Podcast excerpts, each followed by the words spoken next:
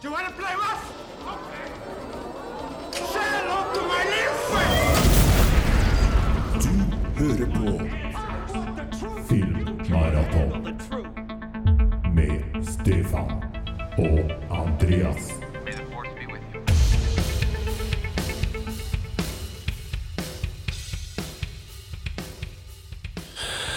Ja, øh, fortsatt i Ikke i karantene, men vi er fortsatt korona i hjemmet fast. Ja, det er vi. Sitter nå her i sommerklærne samme som har eh, gjort noe de eh, fire-fem siste episodene. Ja, det er joggebukse. det, det, det er verre enn det òg. Det er en sånn eh, stygg Simpsons-pysjamas. ja. ja, nei, jeg skal ikke, jeg skal ikke eh, heve meg over med nesen i været. Altså, jeg har definitivt eh, kjørt min, mine varianter av, eh, av koronaantrekk her. Ak akkurat nå har jeg nå kledd på meg når jeg visste at jeg skulle snakke, snakke med deg. Ja, men det satte han noe pris på. Da fikk jeg sånn nesten litt dårlig samvittighet for at jeg ikke har gjort det samme. Ja, ja. Nei, eh, ja, nei det ble nå bare tull, det der, da. Men eh, det, vi skulle, eh, det vi skulle si, det her er jo det her segmentet der vi minner om vår samarbeidspartner Hifi Life. Og det jeg skulle si, var at uh, Hifi Life er jo en av de butikkene som i noen grad kan ta imot ditt gamle, brukte utstyr hvis, uh, hvis du ønsker det, som en del av betalinga. Så lenge det selvfølgelig er, er fint og, fint og godt, uh, godt utstyr, så er det en, en mulighet der for å for faktisk eh, gjøre en, delvis et, et innbytte. Ja. Men det er noe veldig, veldig kjekt. Ja. For mange sitter jo med brukbare anlegg, og det er kanskje det at nei, det er nå på en måte bra nok det jeg har, det er for galt å kaste det igjen. Men hvis du faktisk kan bytte inn og få en, en greit avslag på prisen på det du kjøper nytt, så er jo det kjempe, kjempesmart. Mm, så det kan jeg absolutt anbefale, for akkurat det her med hifi er ikke noe som går ut på dato. Altså er det gode ting, så heller i massevis av år, og, og som du sier, det er for galt å, å kaste, og det kan være folk som sitter der ute og venter på at akkurat det utstyret du har, blir tilgjengelig. Så, så ja, det en, blir en ren reklame, egentlig, akkurat det her, da, men, men det er mye sant i det, og jeg har gjort det sjøl. Så ja, ja. Mm. Ja, så det anbefaler vi. Gå inn på hifilife.no, eller besøk eh, butikken i Hummelviken, da, mellom Trondheim og Stjørdal. Gjør det nå! Gjør- Ja, en gang til. Få et enda bedre slagord. Gjør det nå! Gjør det now? En liten sånn Ja, now! Gjør det now! Nei. Dårlig. Du må heve nivået ditt til podkasten. ja, jeg skal skjerpe meg til neste gang.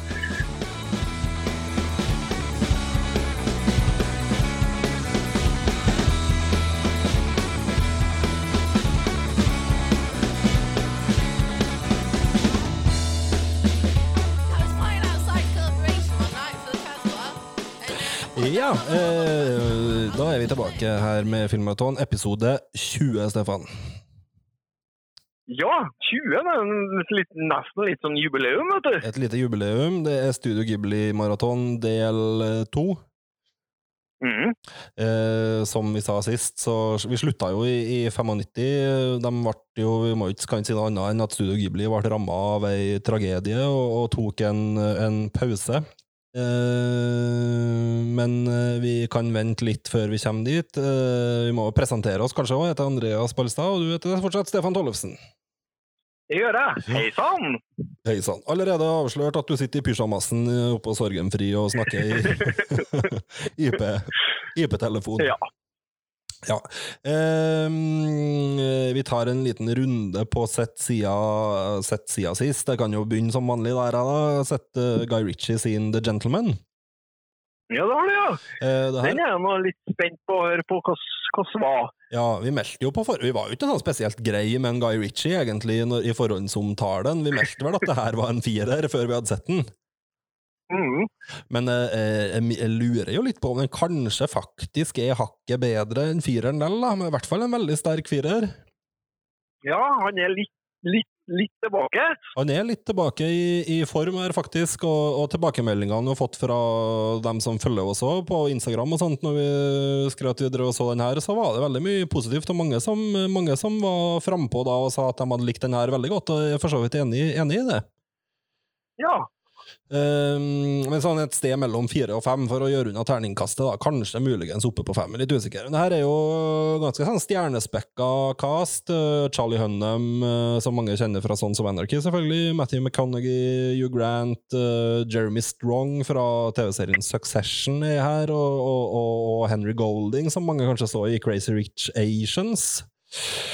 Så det er jo et, det er jo et sånn ensemble-cast.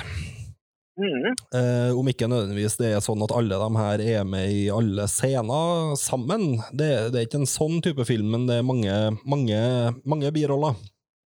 Mhm. Uh, og er jo en sånn, men det er jo en sånn klassisk kul uh, Klassisk kul uh, actionfilm med en del twists and turns, da. Der Charlie Hunnam og Hugh Grant på en måte danner denne rammefortellinga, der Hugh Grant på en måte mener at han har fått et upper hand på de her smågangsterne med Matthew McConaughey i spissen, og så viser det seg jo kanskje at en del ting ikke er helt sånn som han trodde at, trodde at det var, da. Ja. En kul Grant, eller? Nei, litt slitsom. Så snakker med litt sånn veldig sånn brei britisk aksent og, og gjør en veldig annen rolle enn du er vant til å se han i, men du får nesten vurdere sjøl om du syns han er kul. Han er jo ikke ment til å skulle være kul, han er jo ment til å skulle være eh, nerden her, på en måte. Jo, jo, men er det øh, Jeg må omformulere meg. Det var, var kult å se New Grant i en sånn, sånn rolle. Uh, ja, det var det så, det var det for så vidt. Men, eh, men igjen, eh, jeg syns ikke det er han som stjeler showet i den, i den filmen her, for det er en jeg ikke har nevnt. Ok. Det, det er vår gamle venn Colin Farrell. Han er med, vet du. Som, eh, som sånn urklassisk lad da, i, i jogge, joggedress og, og sixpence. og stjeler hver eneste forbaska scene han er med i. I et, i et så sterkt cast, så er han liksom fortsatt den som stjeler absolutt alle scener, og, og er det, det, det soleklart mest minneverdige med den filmen her. Ja, Han har jo egentlig potensial en fordel til å faktisk stjele de scenene han er med i, men så føler jeg at han de siste årene har, har blitt litt bleik, på en måte. Ja. Men eh, det er jo kult å høre at eh, hvis han er litt tilbake i sånn, sånn som vi først ble kjent med Colin Farrell. da. Ja, en, har han gjort noe fett etter In Bruges, liksom? Er det litt sånn den siste kule filmen hans? Ja, ikke litt da? Ja, det er 15-16 år siden. Ja, det er litt det. For han, når han slo igjennom, så hadde han jo masse, masse feite, kule roller og stjal jo jo mye de scenene han var med i, men så følte jeg at han ble bare en litt sånn ja, Ja. sånn Skygge av seg sjøl. ja. Ja, nei, øh, det kan godt hende at vi glemmer noe her. Her har ikke vi gjort noe research på, så det kan godt hende at vi glemmer noen kule, kule roller her. Men, han, men det er definitivt et, et, sånn, et mini-comeback fra han Colin Farrell. da. Mm, Eh, ja, det er kult. Ja, det, det er fett. Han spiller en slags sånn her boksetrener, eh, veldig sånn sterk community-leder, som òg for så vidt er en veldig mektig gjengleder eh, i tillegg, da. Ja. Så han liksom tar vare på the kids in the neighborhood, samtidig som de selvfølgelig òg da uh, er Ja. Det, det er ikke så dumt å ha en fem-seks boksere bak seg, da. Nei, altså, den, er- den er fin. Veldig bra soundtrack med The Jam og Roxy Music og Cream og, og mye, mye bra, bra der. Og er jo generelt Det er jo ikke noen annen måte å beskrive den filmen her på enn at den er veldig, veldig kul. ja for, og det lykkes den i. Ja, så kan du jo diskutere som du kan med alle Guy Ritchie-filmer, og det her mener jeg, så får dere heller være uenig, at den, den prøver å, åpenbart veldig hardt å være veldig kul. Ja, ja. Jo, det, det, det for det skjønner jeg. At, at, men, den, men du føler at den lykkes med det? Ja, sånn eh, ganske langt på vei så gjør den det. Veldig veldig underholdende, morsom, mye, minne, mye minneverdig. Men den er, den er litt overregissert, og den prøver litt hardt å være, å være kul, men den har òg veldig mange kvaliteter. da. Bedre, bedre enn en gjennomsnittlig Guy Ritchie-firer, syns jeg. da. Ja, nei, men det, det er bra. Ja. Eh, du har òg vært litt på actionkjøret. Jeg har vært på actionkjøret. Jeg måtte ha tatt etter litt av de her store actionfilmene som har kommet på Blu-ray nå i 2020. Eh, Så Den første jeg så her nå, det var jo Hobbs and Shaw, eh, eller Fast and Furious 8,5, da blir det vel eh, på en måte. Ja, nå er jo nieren satt på vent på ubestemt tid, men så den blir jo Det er jo den foreløpig siste. Ja, det er det. Og her har vi jo en eh, Idris Elba da, som, eh, som er med sånn superskurk. Og har ordna seg med litt sånn Ir- Iron Man-aktig teknologi. Eh, og, og så har vi jo en Ryan Reynolds som, som CIA CIA-agent, men det er jo selvsagt en Hobbs da, og, og Shaw i rollene som en Jason Statham og The Rock har. Ja. Og og nå er det jo, det, det la jeg merke, det var noe nesten litt sånn passende nok nå, at det er et supervirus han Idris Elba holder på, på å jukke med. Så, eh, som, skal, som er på avveie, da, og, og det er søstera til Jason Statham som er en av agentene som er innblanda. Og så må de få stoppa her, her eh, skurkene og det her eh, viruset for å komme ut. da. Eh, og da må de jo motvillig jobbe sammen. Og det er jo selvsagt veldig oppskriftsmessig moro, det her. Eh, men det er veldig mm, Det er moro! altså, den, den, den, er, den er en lettsett og, og velskrudd actionfilm. Er det. Veldig overdreven. Det er, det er på en måte det går James Bond-filmene en høygang og, i forhold til det. Men det, det vet vi jo i forhold til Fast and Furious-filmene. Ja, De begynner jo å nærme seg high concept, som vi snakka om i forrige episode, egentlig. De er Ja. jo sånn som ligger og pusher helt oppunder det der 90-tallstilnærminga til actionfilm. Ja, de gjør det. Jeg regner med om et par Fast and the Furious-filmer nå, så, så kjører de til månen, rett og slett.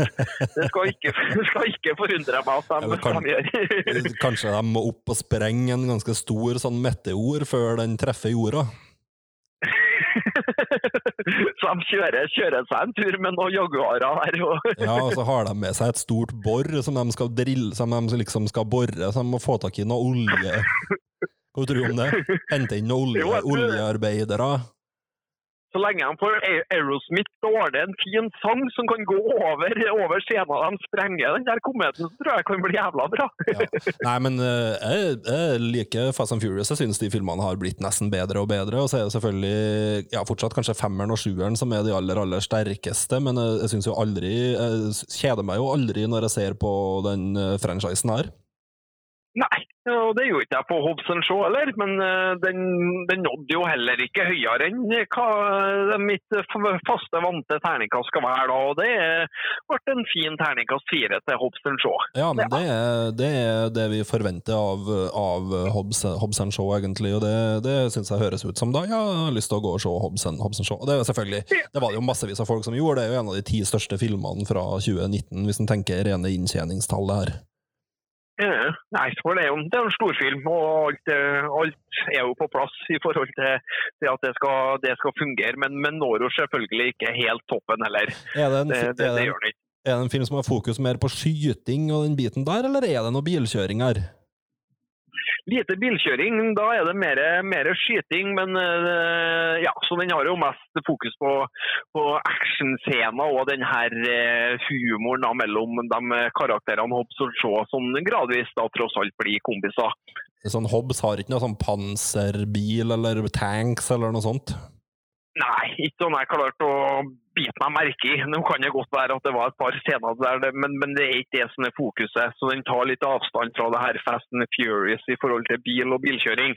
Det gjør den. Har den da sinnssykt store våpen? da? Har den noe sånn, eh, har den noe kanoner eller noe sånt som en må bære? Å ja, det, ja da, ja. Og en Idris Elba han, har jo, han går jo Ironman en høy gang, egentlig, i forhold til hva han får til med de her eh, draktene sine og sånn.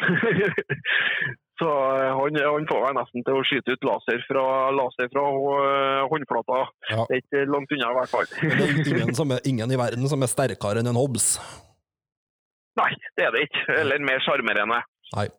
Nei, det er bra. Eh, verdens sterkeste mann, The Rock. Eh, har du sett noe mer?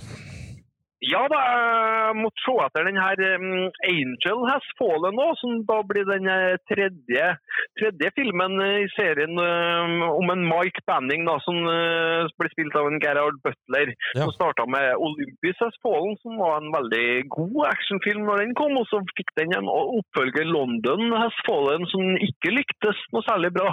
Den er en ja, ganske mislykka actionfilm, men så kom de med en treer her nå, Angel Has Fallen, som egentlig stjeler mye av plottelementene til The Fugitive. Ja. Um, ja. Så, så, så nå handler det om at han Mike Banning her, da, han er en eh, sliten, sliten mann og begynt å blitt å bruke mye tabletter for å hele tatt komme seg gjennom eh, hverdagen. Og Så skjer det da et eh, attentat mot presidenten i USA, som blir spilt av en Morgan Freeman. ja. Og da er det jo noen skurker som står bak der, da, vet du, som har satt opp karakteren til Gerald Butler til å, til å være, den være den skyldige bak attentatet. Men han klarer nå heldigvis å rømme. Og det er jo eh, Jada Pinkett Smith da, som spiller rollen som FBI-agenten som er etter han, så hun har jo på en måte rollen til en Tommy Lee Jones. ja. Men den, den, den funker, eller? Det, ja da, eh, så langt så, og fram til det jeg har sagt nå, så er den ja, ja, en god, god, eh, god sånn actionfilm. Jeg har sett det flere ganger før, men det er eh, vel, velskrudd og, og, og godt ordna. For det er jo, så kommer- ja, Jaget er jo det. Det er jo sol, en solid actionthriller, det. Ja, absolutt. Eh, Men så, så dukker det opp en karakter som gjør at denne filmen får seg et uh, veldig til løft. Og det at, uh, at Gerhard Butler da har nødt til å oppsøke, når han er på rømmen, da, så må han oppsøke faren sin, som han ikke hadde noe kontakt med, som er en eh, einstøing som bor ute i ødemarka. Og da er det jo, har de jo faktisk fått Nick Nolte ut av, ut av isolasjon til å spille denne rollen. For han, han er jo en, borti en einstøing i, i virkeligheten nå. Ja, ja. Så, så k- castet av han da, som, som bor ute i ødemarka der og har forskala seg, det er, det er kjempefornøyelig. Jeg satt med et stort glis eh, alle scenene Nick Nolte var med i. Han eh, begynner å bli en gammel, gammel mann, det gjør han, men han er, han er seg sjøl lik. Sånn grinete og Treffer han på Så- han, eller treffer han sånn noenlunde på lista? Ja, han, han treffer, han spiller nå. Altså, det er jo tilfeldig at de har funnet ut vi må ha Nick Nolte i den rollen her. Det, det tror jeg filmskaperne bare tenkte at vi må, vi må få med han, og så har de nå heldigvis klart å, å få den til å si ja. For han er jo, han er jo egentlig ikke med i film lenger. Nei, Eh, det er jo bare. Mm.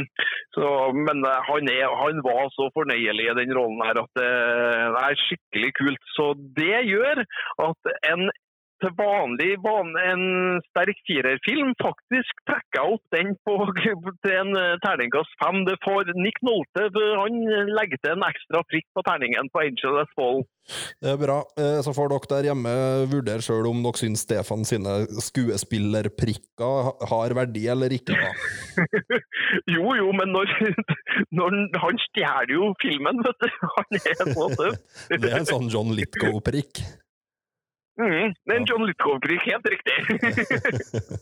Eh, jeg lurer litt på Jeg har ikke sett ham her, jeg jeg vurderer om jeg skal gjøre det nå, men en eh, men en, eh, hvordan klarer en Gerard Butler seg som actionhelt? Klar- er litt sånn Nei, han er jo Han ser jo ikke ut som noen actionhelt i det hele tatt i denne Angel Has Fallen. Han er småfeit, dvask og lat. Men, men de har jo skrevet manuset sånn at han, han sliter såpass mye på, på hjemmefronten og med seg sjøl sånn sett så passer det. For de har en del sånne scener i starten der de sitter og knasker tabletter og sliter med å sove og sånn. Så, så, så så, derfor funker han. Men sånn eh, hadde de ikke lagt inn det, det så hadde han eh, hadde den egentlig ikke funka, nei, for han, han er litt vask. ja. Eh, nei, men det er bra. Da er det jo ikke noe nytt på kino den gangen, her, så da går vi vel det. Og jeg tror, vi, jeg tror ikke vi tar noe brev heller, Stefan. Vi går rett til del to av Studio Ghibli. Det gjør vi. Det er nok å snakke om der. Ja.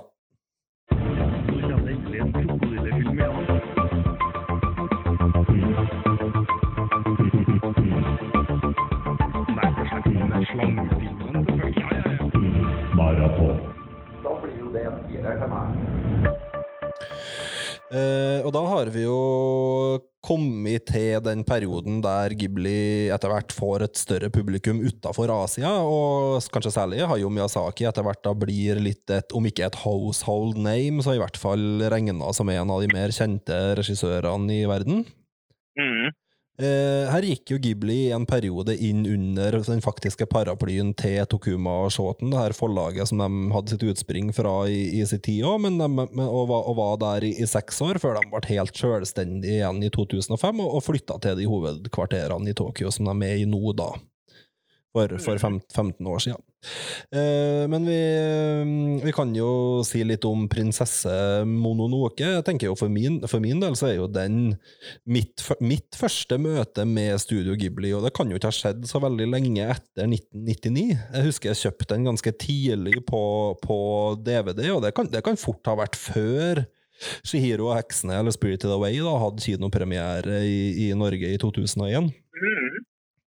Eh, Så helt sikkert den første jeg så, den, den fanga jo litt min interesse, litt i det samme vaset som en del andre sånne Asia-importer som vi syntes det var spennende. Her var jo en tid vi kjøpte DVD-er på begynte å kjøpe DVD-er på internett da, og, og fikk tak i titler som vi aldri hadde fått tak i før. Mm. Åpna jo verden veldig, egentlig, tanke på eh, Veldig stor forskjell på det man fikk kjøpt på lokale butikker eller leid på lokale videoutleier.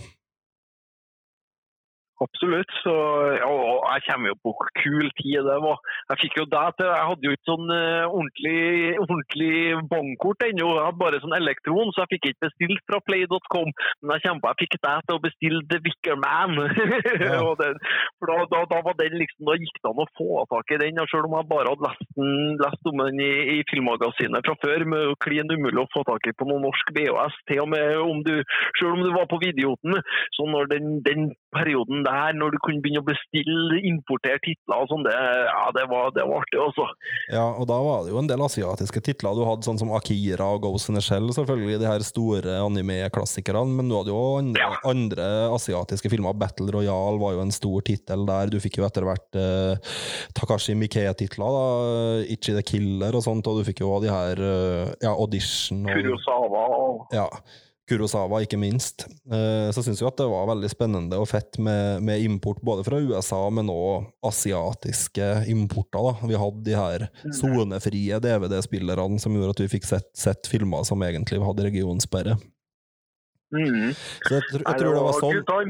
Absolutt, absolutt, absolutt. En, et høydepunkt i egentlig i vår filmsamlekarriere, karriere, nesten. Ja, eh, for da, eh, da begynte vel sånn eh, så, Ja, Videoten holdt vel på ennå, den òg, men da hadde vi på en måte enda en kanal da, å, å få tak i filmer som man hadde lyst til å se. Ja. Og ikke bare bli, bli dømt til de filmene du fant, tilfeldigvis. Altså Etterspørselen var større enn tilbudet hadde vært, og så åpna plutselig markedet seg helt opp da, i forhold til at du fikk sett masse titler som vi bare hadde lest om før. Mm. Uh, så ja, jeg tror det var sånn jeg rota meg bort i Prinsesse Mononoke først. Uh, at den duk var med inn i det vaset der, men den ble jo etter hvert en sånn mellomstor, mellomstor hit i USA og Europa, både på kino og på, på DVD. Ja, for det her var jo en av de eh, Ghibli-filmene som, fikk release da i USA ganske fort etter eh, japansk release igjen. Selv om det, for da hadde jo de filmene ellers ikke, ikke vært noe særlig, særlig distribuert ellers. eh, sikkert mye takka den dårlige erfaringa med Nausiga òg. og eh, for å unngå at, at, at eh, Mononoke ble klippet i, så, så sendte han vel det Det er vel du som har den historien der når Harvey Weinstein bestemte seg for å, distribuere Mononoke. Ja, for her er det jo, vi må jo ta med det at Disney og Buena Vista hadde jo rettigheter her for distribusjon på hjemmemarkedet. Eh, men, men Miramax, altså det her selskapet til Weinstein-brødrene, som ja, har en sentral rolle egentlig i alt, da, sånn Arthouse og indie-distribusjon i, i i USA på 90-tallet, de fikk jo etter hvert òg tak i, i prinsesse Mononoke. Og eh, Harvey Weinstein, som vi vet nå i ettertid selvfølgelig at det er en fryktelig dårlig fyr, han var jo kjent på den tida her som Harvey Scissorhands. Altså at han var, han Ja. var jo, var jo berømt, for, berømt for at han ga litt blanke i det opprinnelige filmskaperne sine kunstneriske visjoner, hvis en kunne si det sånn. Og, og hvis han mente at, at det kunne øke en film sitt kommersielle potensial og klippe den, altså gjøre om på den enten på lengde eller på rekkefølge eller ting for å gjøre den mer strøm, strømlinjeforma, så var han, jo, var han jo mer enn villig til å gjøre det. Ja. Og det var jo litt av eh, kanskje ja, Det var jo en ting som slo begge veier. Han klarte jo å få sånn semikommersielle suksesser ut av en god del filmer som ellers eh, kanskje ikke hadde fått et, et publikum, da, med ja, fra filmskapere som kanskje hadde mange interessante ideer på innhold og uttrykk, men som ikke var nødvendigvis var fantastisk på struktur ennå. Mm. Eh, men, Så men, for å i hele tatt få folk til å gidde å se dem, så måtte de, måtte de gjøre som litt. klippe dem litt ned og få dem i en, pak, pakka inn i mer en litt mer publikumsvennlig format og, og lengde. Eh, men det førte jo ofte til at Harvey Sisterhands rett og slett ø, altså regissørene rett og slett ofte følte at den ødela filmene deres. da. For det er det vel òg eksempler på. Ja. Der, eh, så jeg, jeg, jeg tror det har slått ut begge veier, de her klippefingrene til en, til en um, Weinstein. Da. Ja. Eh, at eh, det, det helt sikkert både har gjort at folk i indiemiljøet fikk en karriere, og at folk i hele tatt så filmene deres, men også, også en del filmer som, som ble floppa etter at en, eh, Weinstein begynte å klippe hjemme, som f.eks. The Crow 2 har jeg nå sett, har jeg sett en dokumentar om hvor bra den egentlig kunne ha vært da, før, eh, før Weinstein begynte å blande seg. Ja. Eh, det er nettopp, nettopp, eh, nettopp det. Det slo helt sikkert begge veier. Men for Ghibli så var det jo alltid, og, er fortsatt, og har alltid vært et viktig prinsipp for internasjonal distribusjon òg, at man ikke får lov til å, å klippe i dem, eller gjøre om på dem, eller endre noe på dem i, overhodet i det hele tatt. Null prosent endring. Som du, som du sier, helt sikkert av de tidlige erfaringene de hadde med Nausicaa, som ble fullstendig klippet i stykker på det internasjonale markedet. Mm. Så det sies jo det at uh, når uh, Harvey Weinstein og Miramax fikk distribusjonsrettighetene til Mononoke, så sendte sendt Studio Ghibli rett og slett et samuraisverd med en lapp der det sto 'no cuts'. da kan man jo, kan man jo tolke, tolke det som man vil, da. Men det var et tydelig, et tydelig signal, det. Mm. Men det er jo for så vidt, når vi er inne på det, så er det jo lov til å diskutere om ikke prinsesse Mononoke er litt lang. Ja, eh, jeg, jeg, kan jo, jeg skal nå være litt ærlig. Jeg, har jo kosa meg med de fleste filmene jeg har sett på det her Ghibli-maratonet. 'Mononoke' er jo en film jeg har hørt om lenge, men aldri, aldri sett. Så, men jeg hadde den jo på Blu-ray, så det var jo en fin anledning til å få sett den. Men eh, jeg likte den ikke. Jeg gjorde ikke det. Eh, altså, jeg, jeg, klarer jo å se at den har selvfølgelig selvfølgelig mange kvaliteter. Fantastisk animert, en av dem eh, ja, altså virkelig bra. Bra soundtrack. Men, men jeg klarte jo ikke å engasjere meg. Jeg syns den ble sjarmløs og humørløs. Eh, og, og, og, og den må ikke nødvendigvis ha humoristiske element heller, men da må han iallfall fenge meg, og det klarte ikke den her. Og så jeg følte liksom ikke med noen av karakterene. Nei, At du føler at den er litt, litt sjølhøytidelig, da? Ja, eh, ja, det er absolutt. eh, Og mm, litt for mørk, og den der demoninfiserte pombaen som kommer. og Jeg likte ikke det. Ja. Jeg, jeg synes jo de, den, den er jo ei sånn, et sånn skjæringspunkt mellom historisk drama og eventyr. Mm. Men som du sier, den mangler nok kanskje litt av sjarmen som en del av de, av de andre, andre har, og prøver jo mer å være en litt mer voksen og seriøs eventyrfilm, da. Mm. Eh, som, gjør, det- som helt sikkert er noe av det som gjør at veldig mange elsker den, og nok rater den som den, en av de aller, aller beste. Men, men også er vel, og, eh, det er ikke første gangen jeg hører den kritikken der av prinsesse Mononoke. Det, du er ikke for deg sjøl om, om å mene det der, at det her er Miyazaki på sitt mest sjarmløse òg, da. Ja. Nei, jeg, jeg falt ikke for den, men samtidig så, så, jeg, har ikke, jeg, jeg føler ikke for å sitte og pisse på den. For jeg, jeg ser jo det at den her har elementer. Hadde jeg bare, bare Og hadde jeg kanskje vært vært yngre, da, vært tenåring, og det har vært på en måte litt mitt første møte med litt annerledes animasjonsfilm, så tror jeg kanskje jeg hadde, hadde likt den bedre. Men nå så jeg så, og det, det, skyldes ikke at jeg var maratonlei heller, for jeg så den på en måte midt, midt i, inni, inni maratonet her. Så jeg hadde en god Ghibli-opplevelse både før og etter. Så det var et eller annet med den der som bare ikke fenga meg, altså. Nei, men Det syns jeg er helt fair, og det trenger du ikke å unnskylde. for Selv om den har en sånn klassikerstatus eh, innenfor både Ghibli og animasjon, så betyr jo ikke det at den er noen sånn hellig ku som ikke tåler å kritiseres. Nei, Det, det må være lov. det, syns jeg jo definitivt må være, må være lov, og jeg tror, jeg tror ikke du er den eneste som, som mener det, at den er ja, som jeg sier, en, en liten anelse sjarmløs og kunne hatt godt av å ha litt mer glimt i øyet enn det den har. Mm. Eh, en film som Men du da, hva, hva, hva mener du egentlig? Sånn, for du har, jo, du har jo et sterkere forhold til den fra tidligere òg. Ja. Jeg liker, den jo, jeg liker den jo fortsatt godt, men jeg, kan, jeg tror jeg kan helle litt mot at den kanskje nesten er, at den er litt grann lang. Da. Ja, Og, ja, for det er den jo òg. Den er jo to timer og et kvarter eller noe sånt. Ja, og, og det, er- det er lenge nok for de fleste sjangere, da. Men, eh, men eh, jeg, skjønner, jeg skjønner hvor du, hvor du kommer ifra. Men jeg, jeg rate, rater den vel fortsatt relativt, relativt høyt her, da. Ja.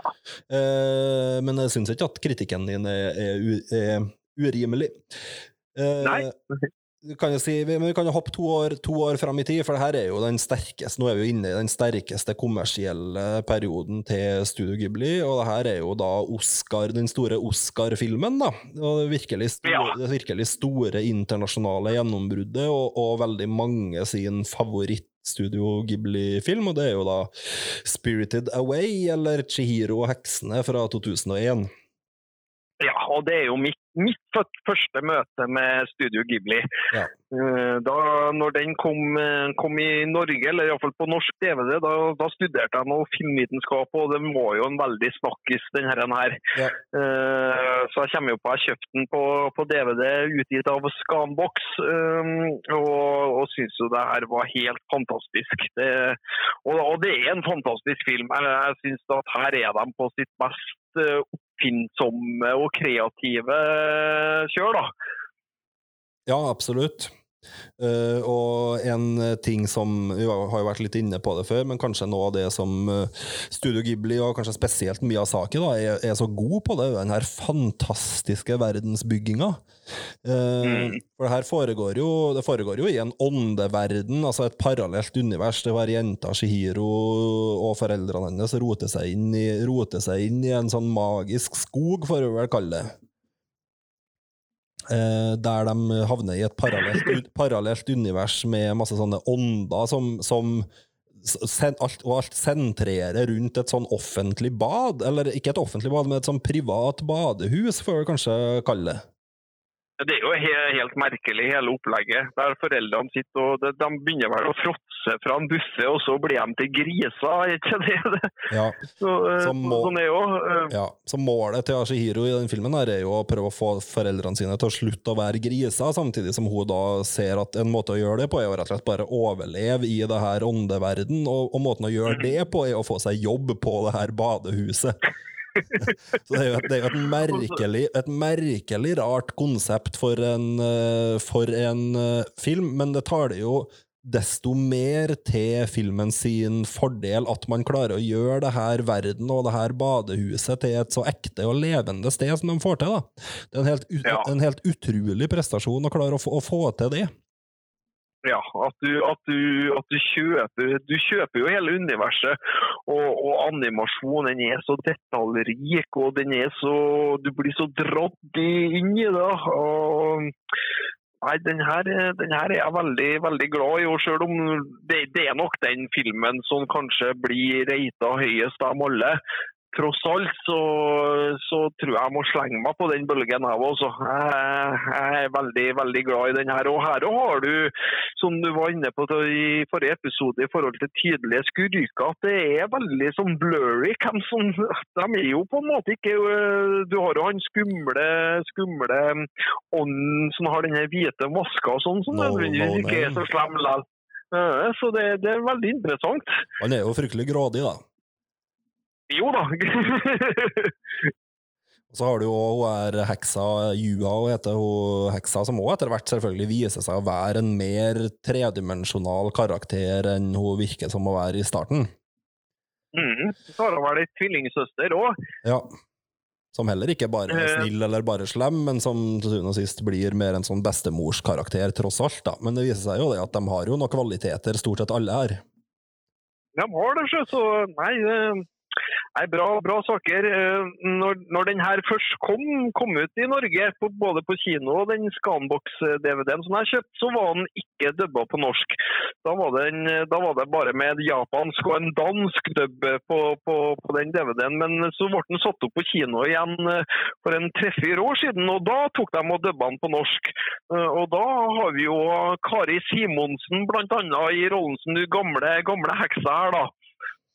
Ja, for- ja. det, men, men hva skal vi si om barnevennligheten på Shihiro? Den er litt sånn den er litt sånn miks. Er Ja, vi var jo litt inne på denne karakteren. Jeg tror jeg sa No Name i stad, han heter No Face, men han er jo, altså, han er jo, en slags, han er jo et monster, en slags sånn psykopat nesten, da, som bare, Ja, ja, han er jo skummel. bare, men bare eh, ja, driver og lurker rundt og spiser folk og er kjip, da. Eh, Men ellers så er den, den er jo ikke sånn råskummel, og den har jo, den har jo et ekstremt mange minneverdige karakterer og scener, og en veldig sånn levende og barnevennlig på mange måter verden, men ikke for de aller yngste. nei. Så den er barnevennlig, men, men for de litt eldre barna, kanskje. Ja. og Man bør, bør i hvert fall ha begynt på skolen før man begynner å se Shihiro og, og heksene der, sånn som Totoro kanskje faktisk kan passe for enda litt yngre unger, da. Ja, det er barnehage fra barnehagen. Altså, det er sånn fra, fra at unger kan begynne å se film, så tror jeg du kan sette på Totoro. Ja. Mens den her nok i hvert fall krever at Det, det er jo en litt mer kompleks historiefortelling her, så det, det, det krever jo Og det krever jo at man kanskje klarer å se litt nyansene i de her, kara, i de her karakterene. da. Men samtidig så er det ikke en ren voksenfilm sånn, sånn tidligere, tidligere Ghibli-filmer òg har vært. da. Så den er sånn, litt sånn midt imellom. Ja, mer barnevennlig enn Mononoke. Mm, Ja, ja, absolutt. Uh, ja. Nei, det, det er jo som du var litt inne på, det her er kanskje den som rates aller høyest sammen med Totoro. Det varierer litt hvilken av dem man drar fram. Uh, det, om det ikke er min personlige favoritt sånn sett, så er den, den, er, den er veldig, veldig, veldig sterk. Og hvis man skal se bare én Studio Ghibli-film i sitt liv, så er det vel vanskelig å komme utenom den her, da. Ja. Den Eh, er, ja. ja, den er solid. ja. Prisvinnende. Det virkelige gjennombruddet for Miyazaki og, og Studio Ghibli utafor Asia. Mm. Eh, 2002 kom Katteprinsen. Den er jo en slags sånn åndelig oppfølger til Whisper of the Heart. Ja, den er jo, eh, det er jo litt det. Ja. Um, Den var vel tenkt å være en TV-film, den òg, men, eh, men så fant de ut at nei, den her eh, har såpass mye kvalitet at vi, vi kjører på den som, eh, som en kinofilm. Og ble regissert av en som heter Hiroyuki Moriata, som jeg finner ut at jeg har bare regissert den av Ghibli-filmer. ja. Eh, stemmer, nok, stemmer nok det. Jeg husker ikke om det her er et av de prosjektene som en Miyazaki sjøl begynte å la seg bort i så mye at det ble vanskelig for noen andre å egentlig få til så mye, men det var jo den perioden her Det tror jeg. at Det den- tror jeg at den gjorde. det, det er jo den perioden her at en Miyazaki kanskje begynte å, å la seg drygent mye borti andre, andre prosjekter og var litt slitsom å forholde seg til. Mm. Uh, den er som sagt en åndelig oppfølger til Whisper of the Heart. En baron Humbert von Gickingen, altså den her katte, kattebaron og den her eh, sure, tjukke katta Muta, de, hjelper, de dukker jo opp her og, og er, hjelper jo her jenta Haru, da, som roter seg bort i omstendigheter som gjør at hun må reise til katteriket og gifte seg med katteprinsen. Mm. Så det, Altså, det, de, de, de, de, de skal jo være greie, egentlig, og de kommer jo for å gi, gi sin takt, da. Ja, det, er jo, det, er jo, det, er, rikt- det er riktig å si det er en belønning hun får at hun får gifte seg med katteprinsen, Ja. men det er ikke sikkert hun ser det helt sånn sjøl, da. Nei. Så eh, det, det syns jeg er litt, litt, litt artig, de scenene der de eh, tar masse sånn kattegress og, og gror fast i hagen og sånn, for at de tror at det, det er realt gjort. Ja. Den, den er jo veldig sjarmerende, den her òg, men kanskje i sum litt sånn på det jevne i, i selskapet her.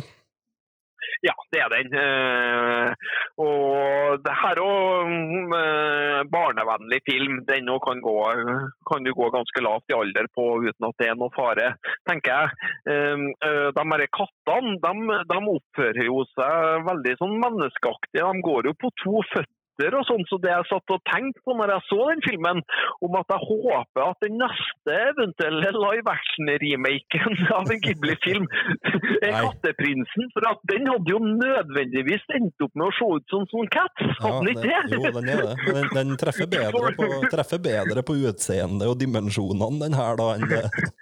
Nei, men her og mener jeg dimensjonene er, de er ikke i kattestørrelse, det er de for stor for, men de er heller ikke helt i menneskestørrelse heller.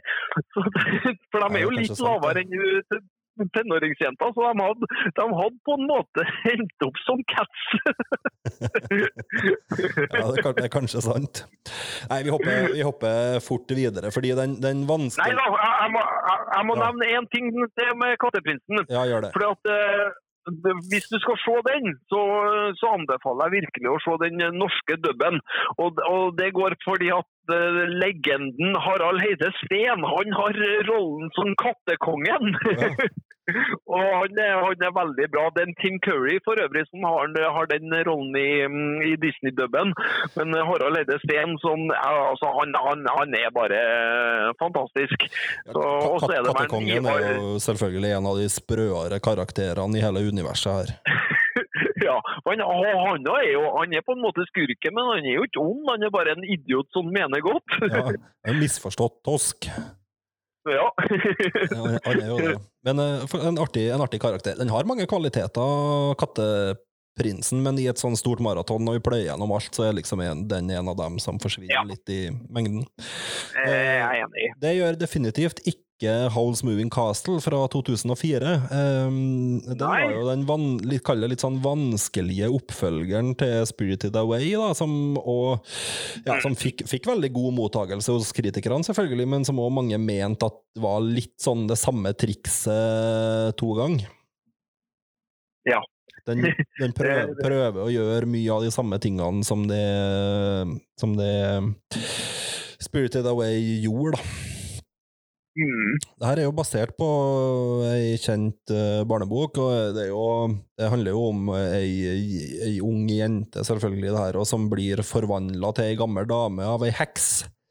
Eh, og som da er nødt til å oppsøke den her trollmannen Howl, da, som bor i det her hoppende, hoppende slottet. eh, og for å prøve å etter hvert få han til å hjelpe seg med å, med å, å ikke være ei gammel dame noe lenger.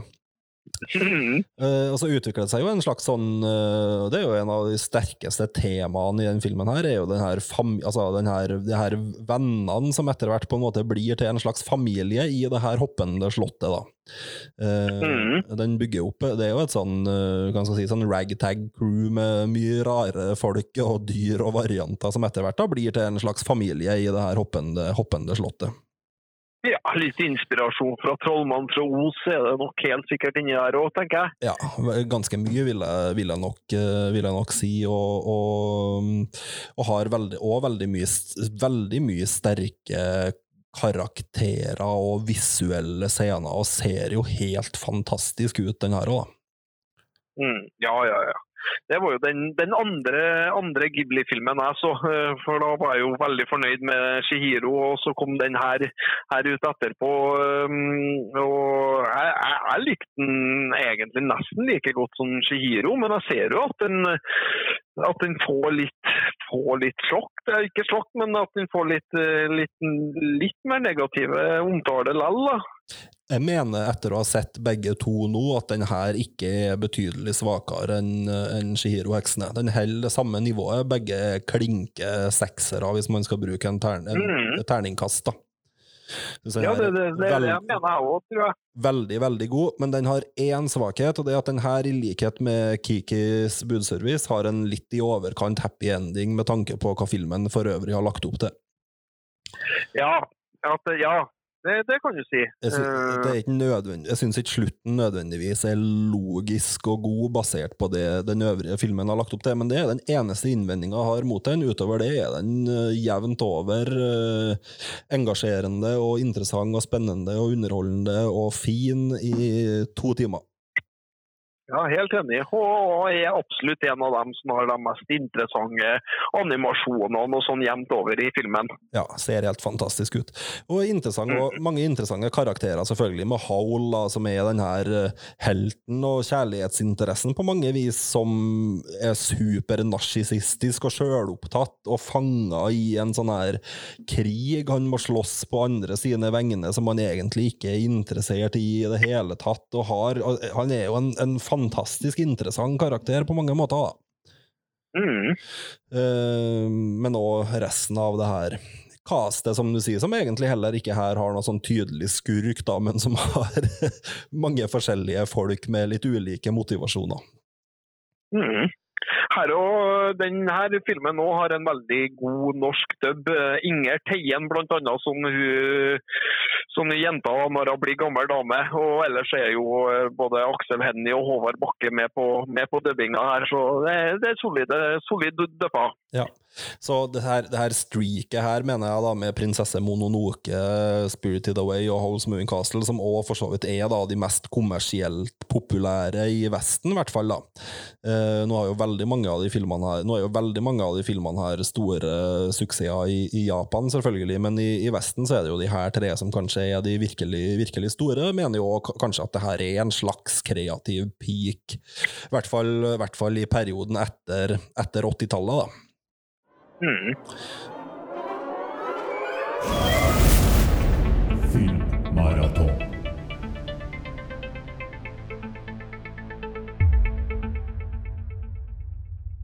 Eh, 2008 kom Ponyo, eller Ponyo på Klippen ved havet. Der er det sønnen til en Hayo Miyazaki som er sjefsanimatøren, Goro Miyazaki, og så har han Hayo regi, Ja. regien sjøl.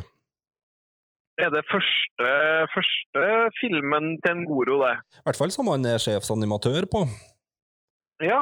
Nødvendig, nødvendigvis Så- hvor, hvor han lærte traden sin før det, det er jeg litt, litt usikker på, men her er den første Ghibli-filmen eh, som han er, er sjefsanimatør.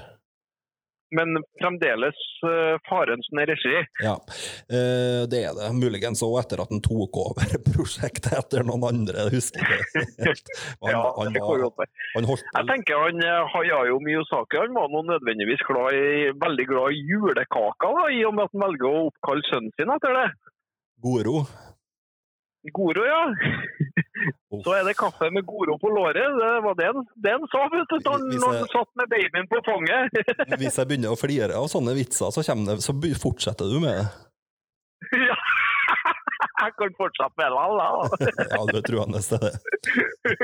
Det her er en, er tydeligere barnefilm enn en god del av dem, av dem andre, men den er jo fantastisk kreativ og, og flott, og, og fanger jo noen ting av det her med vennskapet mellom barn, på et vis. Vi har jo en sånn undervannsverden her, da. Hun er, Goro er jo i utgangspunktet en, en Nei, Goro sier Ponyo er jo i utgangspunktet en, eh, en gullfisk. Eh, Som egentlig er ei prinsesse, og som etter hvert òg blir forvandla til et, et eh, menneskebarn, som gjør at hun kan leve en periode, i hvert fall, da, på landjorda sammen med en en sjarmerende og artig femåring. Jeg kommer jo på når den ble lansert, så ble den på en måte lansert litt at basert på H.C. Andersens eh, eventyr om den lille havfrue. Og, og, og det var jo feil innsalgspunkt for min del, for jeg tenker nei, jeg har sett en eh, animasjonsfilm basert på H.C. Andersens Den lille havfrue, og det er på en måte min Den lille havfrue. og Det, det er jo selvsagt med selvsagt Disney-versjon, men, eh, men jeg forstår jo at det her er jo faktisk en helt annen film. Ja, den, Den- begyn, den begynte jo litt på samme sted, kanskje, som Den lille havfrue, med det konseptet om den, om den her prinsessa, hvis man skal kalle det det, som har lyst til å leve på landjorda, men, men det har ikke så veldig mange flere likhetstrekk etter det. Jeg tror også at etter at den, uh, Hayo Miyazaki kom inn i bildet her, så ble dreininga mer og mer bort ifra det og over til helt andre ting, da. Mm. Men det er jo, det er jo den her uh, lille gutten og mora hans er jo en veldig sterk karakter. Den her mora hans, da, som er sykepleier på et eldresenter, mens faren da er ute og jobber på havet. Eh, og de er litt, litt for seg sjøl på ei sånn ja, klippe ved havet, da, for å si det sånn. Bor, bor i praksis ute i havet på ei, ei klippe, nesten, de her, de her to. Og så er det jo det her casten med, med de her eldre damene på det her eldresenteret, og, og, og selvfølgelig òg da kalle det familien til Aponio fra under, under havet som begynner å blande seg inn her, og den, den, tar, en del, den tar en del ganske kreative og kule, kule vendinger, altså. Mm. Uh, og det her er heller ikke en som uh, er fremmed for å bli dratt fram av en del som muligens den aller beste muligens den aller beste Ghibli-filmen. Jeg connecta ikke personlig sånn med temaene her som jeg gjorde med noen av, noen av de andre som fungerte enda bedre for meg, men den er, den er veldig, veldig god, altså. Mm. Eh, Så men, og her vil jeg tro barne, barnevennligheten er ganske, ganske grei. ja, en tydeligere barnefilm enn mange av de andre, egentlig, da. Ja. Men med selvfølgelig en, en bunn etter hvert her, som, og tematikk her som etter hvert går utover den rene, rene tingen der. Men det den er veldig veldig god på, er jo den her å, å skildre det her relasjonen mellom de her femåringene.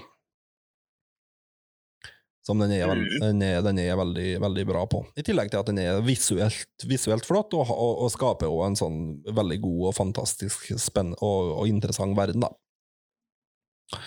Eh, Så den er, den er sterk. I 2010 kom uh, Arietti, eller Ariettas hemmelige verden, som den het på norsk. Ja da, det, det gjorde den. Eh, Kom vel på kino i Norge noen år senere, da, men eh, der er det jo eh, regi av Hiromasa Yonebayashi, som regisserte eh, senere. Det var vel hans første film, men han har også regissert den 'Marnie, min hemmelige venninne'. Og, og den her er jo egentlig en veldig velkjent historie, det her eh, Aretas hemmelige verden. For det er jo basert på boka om eh, lånerne av eh, Mary Norton. Mm. Og jeg har noen sånn minner om at i samme tidspunkt sånn eh, på, på, i romjula når jeg var unge, som Narna gikk, så hendte det seg noen år at de sendte her lånerne også, om de her minimenneskene som bor i, bor i et hus og, og låner ting da, for, Det- for å overleve. Det er noe kjent med det, uten at jeg har sånn eh, veldig nært forhold til det. Mm, jeg har iallfall sett, sett det her på NRK K, K, K før. Mm. Um, ja, det er jo en litt mindre, mindre Ghibli-film sånn sett. Um, jeg syns den var, var, var veldig fin, egentlig. Jeg gir den egentlig en femmer, at eh, jeg syns den, den var så oppfinnsom. For det, det er jo noe med at du følger karakterer som er mikroskopiske, og så får du på en måte den verden vi mennesker lever i, som blir på en måte blåst opp. da. Eh, Så, så, så det gjør jo eh, ikke sant? Man finner ei knappnål, og da tar jo den ja, for det her er det jo ei tolvårig jente som på en måte som er protagonisten, og finner da ei knappenål og bruker den som sverd, men det er jo masse sånne der artige, artige ting, da. Eh, veldig barnevennlig er den. Eh, og likens en her også er skurken ikke noe sånn tydelig skurk, men bare noen er som egentlig bare veldig nysgjerrig på de småfolkene, da. Mm. Eh, 2011 så kom uh, hva heter den på norsk, Møtet på Valmuåsen, eller From Up Pop- Poppy Hill. og Der hadde jo Goro Miyazaki regien. Han fikk jo prøve seg en gang i 2006 med den her jordsjøkrøniken. Det er en av de få som ingen av oss har sett nå, men den går ikke for å være det helt store. Den gjør ikke det, eh, men samtidig så jeg mistenker kanskje at den har fått så dårlig kritikk og litt på at den er jo basert den jo på, på, et, på en bokserie, som jeg forstått det. eh, Som eh, mange har et veldig sterkt forhold til. Og så avviker da filmen ganske mye ifra den, eh, den bokserien. Ja. Og da blir det fort at mange blir skuffa og sur uansett. For at nei, det her er ikke min jordsjøkronike som jeg kjenner den. Nei, Den har muligens litt bedre, litt, muligens litt bedre mottagelse hos uh, kritikere enn hos publikum, faktisk. Det er kanskje først og fremst hos pub pub Ja. publikum at, den- at Ja. Jordsjøkrøniken har gjort det veldig dårlig. Mm. Uh, From Upon Poppy Hill, uh, der har jo Hayo manuset, og Goro har regien. Da, så det er jo far og sønn her. Det er en veldig sånn enkel slice of life, hverdagshistorie fra et studentmiljø på 60-tallet. Den er grei nok, men er vel tross alt en av de mer forglemmelige. Ja, kunne han ha blitt spilt inn som live action. eh, er jo egentlig ingenting som tilsier at den her eh, bør være animert, egentlig. Um, den, den er ikke dubba på norsk, for det her er nok heller ikke noe særlig aktuelt å sette på for de eh, minste barna uten at det er noe farlige scener. Det er bare det at det er såpass voksen tematikk at jeg tror ikke unger får noe særlig glede av den. Um, det her var den siste filmen jeg så eh, av Ghibli-filmene som jeg så nå. Og jeg kjente jo da at nå er det nok, etter jeg så møtet på Valmueåsen. Så den ble Ja. på en måte litt spikeren i kista for å se mange Ghibli-filmer på rad. For at da ja, for den, den gjør ingen nytt da når det har skjedd noen Ghibli-filmer før. Eh, Så, så byr den ikke på noe nytt, og den, den er litt svakere enn de øvrige. Ja, litt, litt forglemmelig. Helt grei, litt forglemmelig. Eh, Ja. den, siste, den siste store Ghibli-tittelen det er jo fortellingen om prinsesse Kaguya fra 2013, som var den siste filmen da til Isao Takahata. Eh, Som skrev og regisserte den basert på det her kjente japanske eventyret om bambuskutteren, som er en sånn gammel, gammel fortelling som har gått igjen i nær sagt hundrevis av år i, i Japan. Eh, Jeg har ikke sett den, men det ser ut som at den har litt annen tegnestil, stemmer det? Ja, den har jo litt mer den her, eh, den her stilen som en Takahata har brukt i den her eh, komedia si fra 99, som er litt mer sånn vannmalingsbasert og, og, og nesten litt minimalistisk, da. Uh, det gjør Ja. jo at den, den skiller seg veldig ut visuelt, men på en, jeg vil jo si på en positiv måte for det aller, aller meste. Uh, der den kanskje ofrer litt verdensbygging for å gjøre mer sånne ting som utforsker uttrykket litt mer. Du kan, du kan nesten komme helt ned på en sånn minimalistisk, nesten litt sånn impresjonistisk eller skissenivå nesten til, til tider i, i den her der eksempel Howls Moving Castle og Spirited Away har et fantastisk detaljnivå da. Mhm. uh, uh, men det er, jo ei, det er jo et eventyr. Det følger jo litt malen der. Det er en bambuskutter som finner da ei prinsesse i en, bambus, en, i en bambusstamme, og så blir jo hun til en baby som han og kona på en måte må må, må Hva heter det på norsk? Å raise, altså uh, Ja, være foreldre for. Oppfostre. øh, Mm. Øh, fram til hun da blir ei prinsesse og flytter inn til hovedstaden og liksom skal bli Ja, liksom er så vakker, hun er jo så vakker og, og alt det her som gjør at det kommer Men masse, prinser masse jeg vil prinser. tro at hun jeg vil tro at det litt av nøkkelen for hun er at hun må finne trua på seg sjøl. Eh, nei, eh, det handler ikke så mye om det. Hun har veldig trua på seg sjøl helt fra børjan av, faktisk. Oh, ja, yes. Eh, Eh, men den eh, Ja. Den er, den er fantastisk visuelt. Den er minst et kvarter, kanskje en halvtime for lang. Men, eh, Ja. men har masse, masse kvaliteter for den som er, er interessert, og, og selvfølgelig og veldig viktig fordi det er Takahata sin siste film, før han da gikk bort i 2018. Ja. Ehm, så det siste, den siste storfilmen til Studio Ghibli, kanskje Miyazaki ga jo ut sin foreløpig siste film òg, i 2013, med 'Vind blåser'. Den er det heller ingen av oss som har sett nå. Den går for å være god, men litt kjedelig. Luftfartsfilm, det òg. ja. Den, ja, den jo blir jo går fort, litt for å være av de tross alt svakeste Ghibli-filmene. Så kom jo den foreløpig siste, da, 'Marnie, min hemmelige venninne', i 2014. Den har jeg sett, vet du. Ja, hvordan er, hvordan er det? Ja, eh, jo, den, den likte jeg egentlig veldig godt. Det, det, for der eh, her og handler det at vi følger tolvårige Anna, som ikke har helt trua på seg sjøl. Men, eh, men det ordner nå seg etter hvert. Så hun blir jo sendt til landsbygda for sommeren for å, for å, for å bli frisk, for at hun sliter eh, psykisk da, og har veldig dårlig sjøltillit. Mm. Og så møter hun ei, ei jente da, som heter for Marnie, eh, og så, som dukker opp, og de blir da sånne hemmelige venninner.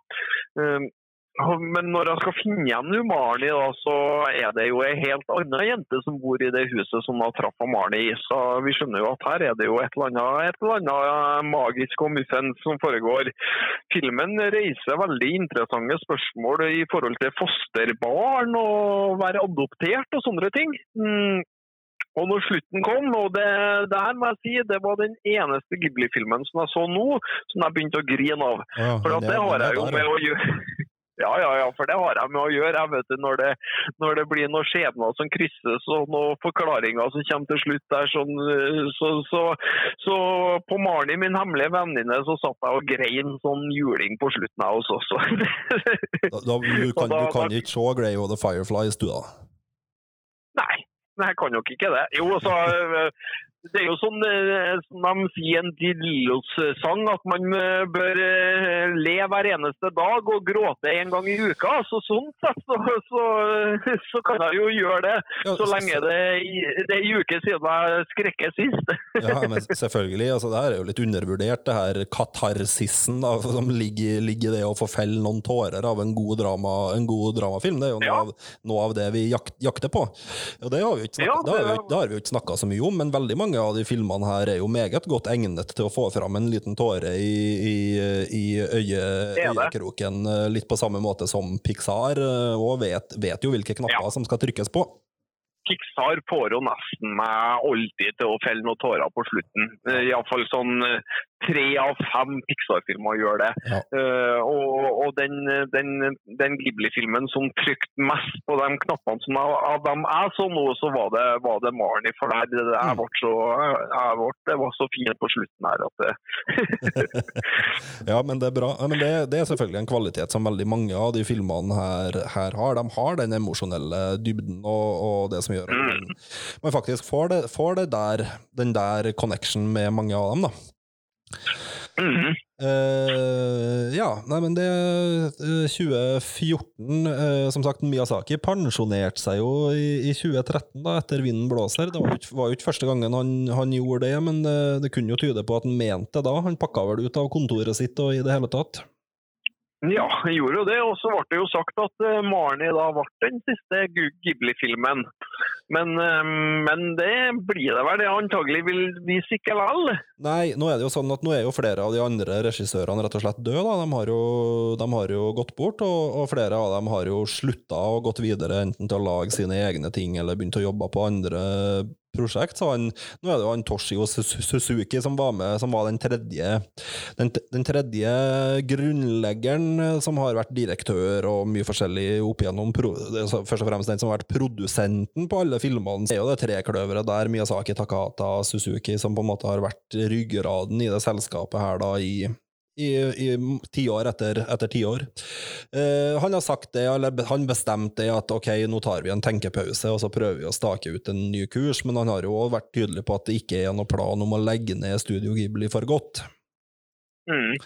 Eh, og da er det jo Goro Miyazaki sitt arbeid da, med den her Ronja Røverdatter-serien som kom i 2014 og 2015, som var koprodusert i hvert fall av Ghibli sammen med de her Polygon. Eh, Ja. Som anses for å være litt ei sånn mulig retning for hvor Ghibli kan tenke seg å gå. Den bruker vel en sånn dataanimert teknikk, da. Ja, altså jeg har jo hele, hele den Ronja Røverdatter eh, på DVD, for jeg var heldig og fant hele, hele boksen billig på, på en svensk DVD-boks. Jeg tror ikke den er gitt ut i Norge ennå. Um, så, så den eh, serien består jo da av en 26 episoder, sånn eh, 20 minutters eh, epis- episoder. Um, og, og som du sier, den bruker jo en helt ny animasjonsteknikk, men når du ser på coveret, så ser det ikke ut som at de bruker noen ny animasjonsteknikk, for det ser ut som klassisk Ghibli. Men det er når du faktisk ser serien, da. Jeg har bare sett de eh, to-tre første, første episodene, men eh, du merker at ja, det er Ghibli, men det er noe annet der. Så det er en sånn spesiell type CGI-animasjonsteknikk som, som de kaller for cell-shaded, som gjør at den fremstår som en 2D-animasjon, men det er data, dataanimert. da. Ja, de begynte, de begynte vel allerede fra Prinsesse Mononoke i hvert fall, tror jeg, å begynne å blande inn litt dataanimasjon for en del ting, for litt, jeg vet ikke, mer sånn teksturer og, og sånne, Ja, sånne ting, men, Det vil jeg tro. men eh, Det var jo Lion King og sånn, òg, ikke sant? Eh, åpningsscenen der er jo, er jo, er det jo, ligger det jo CG i bunn, Ja. sånn sett. Ja, så den her, men den her, eh, den her teknikken i, i Ronja Røverdatter har jo fått litt kritikk for å være livløs, litt livløs, i hvert fall sammenlignet med det aller beste fra Studio Ghibli. Ja, eh, det er det. For eh, altså, den, den når ikke opp mot dem som f.eks. de beste tegna, som Shihiro. Og, og, så når den ikke opp til det. Men så må vi også komme på at det her er en TV, tegna TV-serie. Og hvis vi skal sammenligne med andre tegna TV-barneserier, så er det et mest, mesterverk. Altså, du kan sette på pause når som helst på hvilken som helst episode, og du har egentlig et kunstverk som du kunne ha bare klippet ut og hengt på veggen. Ja, vi er der, ja. Men eh, mm, ja, ja, vi er, vi er, så, så, så rent sånn stilbildemessig så er det, er det veldig detaljrikt, veldig fint. Men så er det et eller annet kanskje med når det er full motion da, som, som gjør at du merker at det er ikke helt sånn som de klassiske Ghibli-filmene likevel, selv om det ser litt sånn ut i første, første øyekast. Ja. Jeg er jo glad for at Ghibli endelig får, har fått rørt litt borti Astrid Lindgren, for de, de er jo åpenbar en, åpenbart en god match. Der er det på en måte magi og ja, jenter som må finne trua på seg sjøl. Så ja. Du, er jo, du, er jo litt, du, jo- jo, du toucher jo litt inn på det som kanskje har vært kritikken, særlig mot Miyazaki opp igjennom, og det er jo det at han, um, uansett for alle kvalitetene han har, så er det jo ikke bestandig i, i, i utviklinga av protagonistene sine han gjør de mest interessante tingene, da. nei, Han har, jo, han har jo blitt kritisert en del for, som du sier, at hovedkarakteren hans nesten alltid er den samme karakteren som er den her litt, usi litt, usikre, litt usikre jenta, da. ja. Eh, og det er jo for så vidt en fair, en fair eh, en fair kritikk han har fått, men samtidig så er det jo et grep som fungerer, og som gir det her support-casten i filmene mye større spillerom, kan du, kan du si, og enn at protagonisten som regel er den mest interessante karakteren. Mm. Men han, det er klart, det er noe Miyazaki og stud, deler Studio Ghibli har fått en del kritikk for, og, og vanskelig å si at det er en urettferdig kritikk, da. Ja. så nei, ut ifra de episodene jeg så, da, så um, vi kjenner jo, vi kjenner jo godt til Tage Danielsson sin, eh, sin filmatisering fra 80-tallet. altså, Det ser jeg nå i dag, hvor bra egentlig de her SF-filmatiseringene av Astrid Lindgren som kom på 70-80-tallet egentlig er. Ja, De, det, det, er gode, det er gode filmer. altså. Ja, de gjør det. De står seg veldig godt. tidløse greier, det. Ja, det er det. Det er gode filmer også. Så det, mm, men mm, så jeg kjenner jo godt til historien gjennom den filmen. da. Og, og jeg, jeg fikk jo på en måte samme feelingen når jeg så eh, Ghibli-versjonen òg. Man klarer å fange universet ganske bra der. Og så du har de der eh, kråkedamene og sånt. De er, de, de, er, de er bra. Ja, det er bra.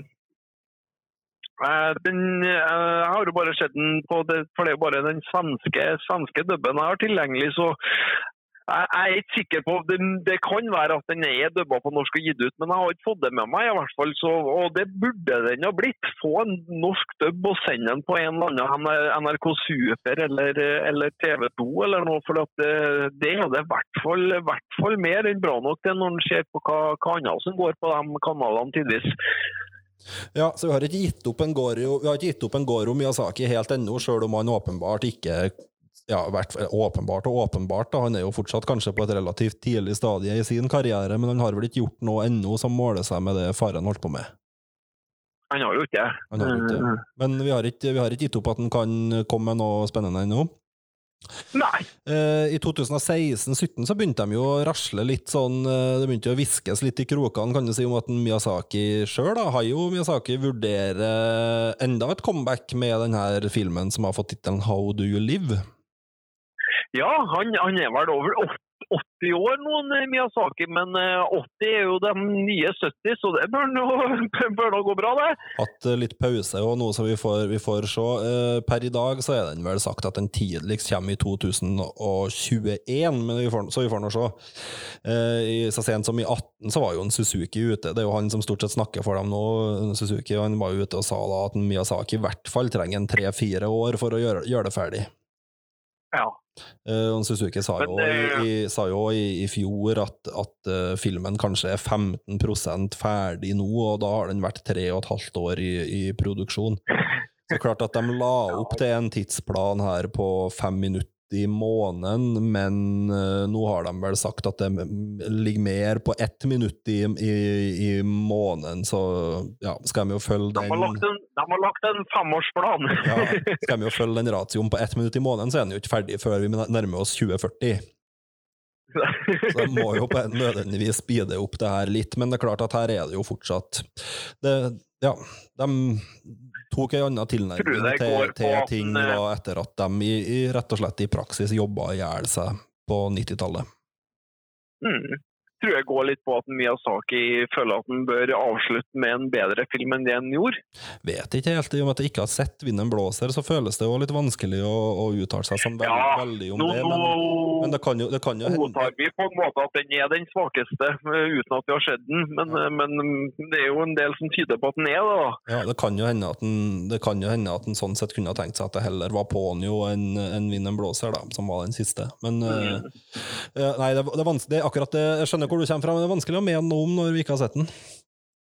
Eh, faktum er jo uansett at det har ikke kommet noe ren produksjon fra Ghibli siden Marni da i 2014, men de hadde jo, som du sier, var inne på det her samarbeidsprosjektet om Ronja Røverdatter, og så var de jo involvert i denne filmen Den røde skilpadden sammen med det her tyske distribusjonsselskapet Wild Bunch, som kom i 2016. Ja. I 2016. Men det er liksom det Og så finnes det finnes det òg noe eh, Nintendo DS-spill som Ghibli har vært in involvert i animasjon og sånn av. Som nå har blitt remastera til PS3. Og så finnes det vel noen live action-kortfilmer. Så det finnes litt mer Ghibli-ting òg enn hva det vi har snakka om nå, men det her er jo iallfall det. Det er det, det de hovedsakelig er, er laga for, da.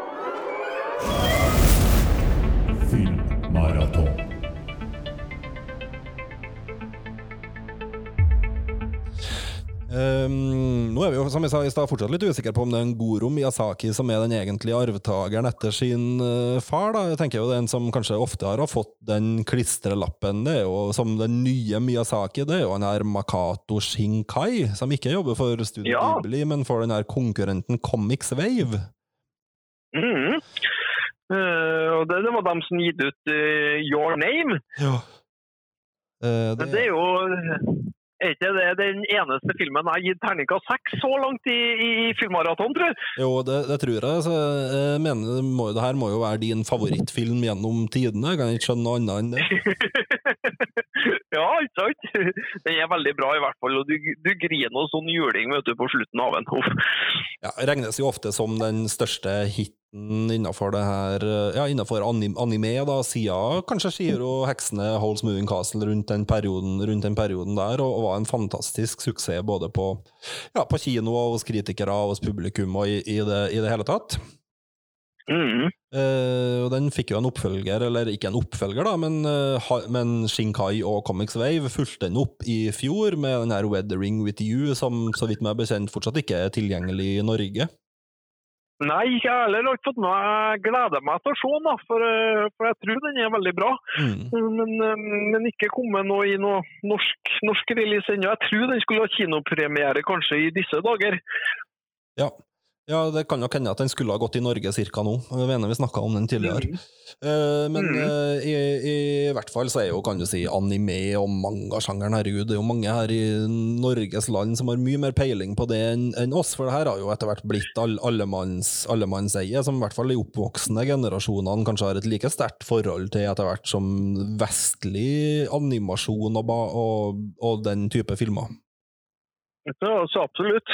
Eh, vi, vi, vi kom jo inn i Ghibli-verden mer i, i, i tenårene og ungdomsårene. Ja. Eh, men det er jo klart det er jo dem som vokser opp nå med, med Ghibli-filmer. Og får nå for at, at det kommer mer, mer fra den kanten, tross alt. Også. Ja, men det kan, kan hende at det er de generasjonene som kommer nå, faktisk har et like sterkt forhold til Totoro som de har til Ole Brumm, på en måte. da. Eh, også her i, i vestlige, vestlige verden. Eh, hvis vi skal oppsummere litt helt, helt, helt, helt til slutt, hva er det som gjør at Ghibli har den her statusen som de har, som ja, et av verdens beste filmstudio, og selvfølgelig et ledende filmstudio innenfor animasjonsfilm? Det, det ene er jo, er jo denne her animasjonen. Den alle filmene ser jo helt fantastisk ut. Det er detaljrikt, veldig, veldig fine animasjoner. Men, men det er jo ikke nok, det. Så det er jo, det, det er jo noen magiske fortellinger der, da. Ja. Verdener og karakterer og, og fortellinger, og, og, og ikke minst uh, tar de jo alltid sitt publikum på alvor, da. Det er veldig lite, veldig lite overforklaring, det er veldig lite endimensjonalitet, det er veldig lite budskap som en blir slått sånn veldig over hodet med, i hvert fall selv om budskapene går igjen veldig mye, så er det jo, det er jo nyanser her på et annet nivå enn vi ofte er, er vant til. Helt enig. Der Disney, Så- Disney, Disney av og til ofrer litt nyanser for tempo og, underholdning, da, som ikke er noe galt i seg sjøl, men er en annen tilnærming. Det er en annen tilnærming. og for det er det. De fleste Ghibli-filmene har en lavere tempo og sånn enn hva, hva mer vestlige, vestlige filmer. Nå er det mye av gode Disney-filmer som, som ikke er veldig hyperaktive, men, men, eh, men det er et helt annet tempo, i hvert fall i forhold til hvis du ser på hva som går på sånn type Cartoon Network og sånn i dag, som er, er mer sånn ADHD-tegnefilm. Ja, eh, så, så det er klart, og det, det er jo noe som vi snakka om tidligere, at de har holdt på også internasjonalt, sjøl om en del av tematikken og, og motivene i utgangspunktet er veldig tilpassa et asiatisk publikum. Jeg tenker på en sånn film som Grave of the Fireflies, for eksempel, da, som handler om de her to ungene der den her eldre broren eh, under andre verdenskrig er nødt til å ta en del, og så rett og slett lar stoltheten sin i noen grad komme i veien for noen løsninger som kanskje kunne ha hjulpet han og søstera, som, som kan virke ganske frus Ja. frustrerende for et vestlig publikum. Da, der han rett og slett altså, du blir irritert på han fordi han tar så dårlige valg, men som kanskje i en, i en asiatisk kontekst mer eh, er forståelig ut ifra, eh, ideer om, eh, om, om, stol, om en slags sånn stolthet på en, som vi ikke nødvendigvis har på samme måte i, i Norge. Så, så det, det er en del sånn interessante ting, interessante ting der kul, kulturelt òg, tenker jeg da. Absolutt. Eh, og, og det òg liker jeg jo litt med Ghibli-filmene. Sånn, og hvert fall sånn, Hvis du skal dra fram sånn type Pompoko, da. Det ligner jo ikke noe annen film du ser til vanlig. Det, så det, Absolutt. det er snudd på hodet og vrengt inn og ut, men det er veldig, veldig fornøyelig.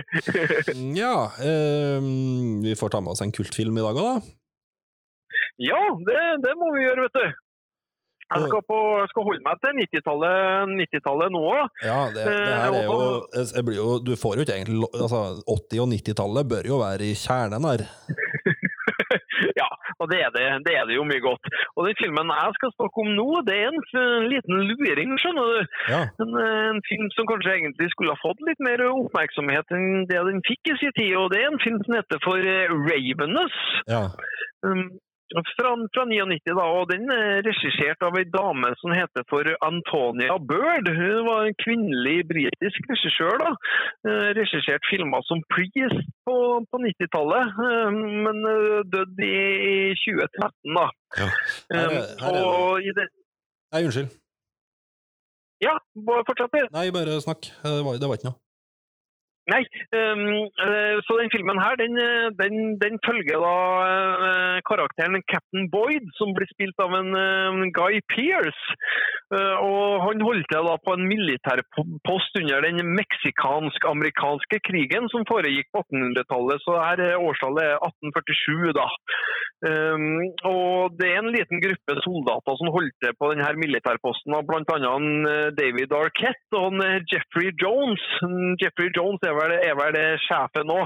Ehm, og så kommer de her soldatene over da, en, en radmager og nesten døende soldat i nærheten av den leiren. Eh, og de tar nå med inn han og får, får på en måte gitt han mat og vann sånn at han, at han vekker til live. Han blir jo spilt av en Robert Car Carlyle.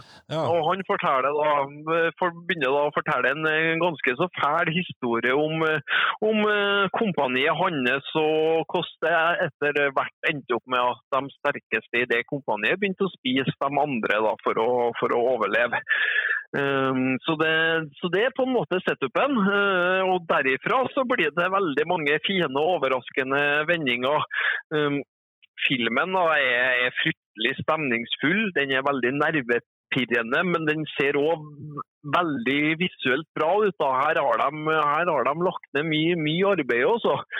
Um, og den er jo på en måte en horrorfilm, men eh, den er mer enn det. Og den beskriver litt i forhold til menneskets galskap og ja, menn som har vært litt ute i isolasjon lenge, over lang tid og sånn. Eh, Så det her er det mye interessante tema som blir, som blir tatt opp. Men, men det er rett og slett Det er en kannibalfilm i bunn. I bunnen så er det en kannibalfilm, ja. Mm, Det er det er bra. det. Det er en, det er en ny sjanger hos oss. Ja, det er en sjanger vi liker, tror jeg. Ja, Vi snakka veldig lite om, veldig lite om, kannibal, om kannibalfilm, så det var på tide. Ja, så, men det er, den, den har faktisk litt tema og sånn som går utover det. Da, så kannibalismen blir kanskje blir litt brukt som et symbol òg for andre ting. eh, hvis man, ja, det, det, Men det går nå litt ut, ut ifra hvor mye du vil legge inn. Men filmen åpner i hvert fall opp for at du kan, kan legge litt mer, mer, mer i den. Ja. Eh, har eh, spesielt god filmmusikk som er laga av eh, Michael Nyman, som, eh, som lagde musikken til piano, annet. Mm. Men også Damon Alburn er kreditert for som music by, altså frontfiguren i Blur. Ja. Så, så, så når de to slår seg sammen, så får du et veldig sånn spesielt soundtrack da, som du ikke har, ikke har hørt så mye på film tidligere. Har den, uh, har den noe slektskap med piano ellers? Eh, ikke sånn foruten tidskoloritten, da, kanskje. Nei, ja, litt, sånn samme på- period, litt samme perioden. Ja. Ja. Uh, Sorry, side, sidespor. Nei, bra, bra, bra med sidespor. Eh, Kjenner, kjenner du til filmen du, eller, eller er det en sånn en som gikk, gikk oss litt forbi? jeg- jeg vil nok si at den har gått litt under radar for, eh, for min del. Jeg så den i hvert fall ikke på 90-tallet. Jeg har ikke, eller altså, jeg har ikke sett den. Jeg så ikke den når den kom. Nei, eh, jeg kommer på den så vidt at den kom, eh, og så kom jeg over, kom jeg over DVD-en på Fretex, og så ble jeg så den i påska, eh, og, og ble veldig, veldig imponert over, og, og jeg, jeg tror faktisk, Andreas, at det her er en film du hadde kommet til å like veldig godt også. Ja, kan godt hende, kan godt hende det. Jeg, så den, eh, jeg gjorde jo litt research kjapt, jeg også. jeg så den hadde veldig begrensa uh, show- altså inntjening på kino. Var ikke noe, var ikke noe hit i, Ja. den forstand, i den forstand der. Er noe, hvorfor ble det sånn? Eh, rar film, kanskje. Ja, Eh, den, den er såpass rar at den, Ja, og feil markedsført, tror jeg. mm, Det, ja. det er en del filmer som har gått den tabben at man har markedsført seg som noe annet, og så går folk som tror at de skal se noe annet og ser den, og så det er en dritfilm. ja, jeg skjønner. Og så sprer det seg på en måte, så jeg tror det kanskje ble litt sånn, litt sånn fella til den. Så, så derfor syns jeg det er greit å ta den opp nå, så, så kommer nok noe over Ravenous. Så, så for guds skyld se den. For, for min del så blir det her en kultterningkast. Seks, faktisk. Eh, Den var såpass, såpass godt velskrudd, og jeg ble såpass overraska og skremt og flira og Nei, eh, mye på en gang. Ja, nei, men det er bra. Eh, det er ikke en, den regnes ikke som en offisiell sekser, en kultsekser, gjør den det? Nei, jeg tar den som en kultsekser. Ja, men den regnes ikke. Den, Men den står nok Den hadde nok fått en sterk femmer på en vanlig, vanlig, vanlig rating, tenker jeg. vi er såpass, ja. Mm. Ja, nei, det, det er jo meget, det er jo meget bra. Ligger med sju, på rating på IMDb, også de som har sett den øh, og liker den jo. Du rater den jo åpenbart som bedre enn FaceOff. Ja, jeg gjør det. Det, det, er, bedre, altså det er en bedre film enn FaceOff, det kommer ikke unna. uh, og så øh, er jo FaceOff aldri så underholdende, men det som er med Ravenous, at den er såpass tight, da. Ja. Den varer ikke lenge over en og en halv time, og selv om den på en måte toucher innom flere tema, så er det på en måte det her litt, eh, litt overraskelsene og sånt som kommer underveis, som gjør at den, eh, den blir veldig underholdende òg. Ja, nei, det er bra. Eh, vi måtte runde av. Eh, eh, tja, hva vi skal gjøre neste maraton? Har du noen idé? Nei, det eneste er Vi er jo glad i krokodiller og sånn, vi i Filmmaraton. Ja, ja, ja. Så det er bare, bare Hadde det ikke vært artig å se innom en krokodill krokodil Dundee? Ja, Eller er du jeg hadde det. Jeg- tenker Krokodil Dundee, Australias store sønn, det, det er jo ja, jeg, jeg, kjenner at det er filmer jeg skulle ha sett, sett snart, i hvert fall. Ja, ok, ja, men greit, greit, vi kan gjøre det. Du, er med på Krokodil Dundee? Ja, ja greit det. Crocodile Dundee. Det, det er bare tre, det er bare tre, er det ikke? Ja, ja, det er tre filmer, så da, det blir vel en vi får, det, det får vi nå smekka i en episode. Ja, det gjør vi. Ja, men greit, da blir det, da blir det Crocodile Dundee. Følg med, følg med her for, for eh, australsk eh, actionkomedie. Yes, nei, men da så, Stefan, snakkes vi. Det gjør vi, vet du. Ja, ok. Da Yes, ha det bra! Ha det, du.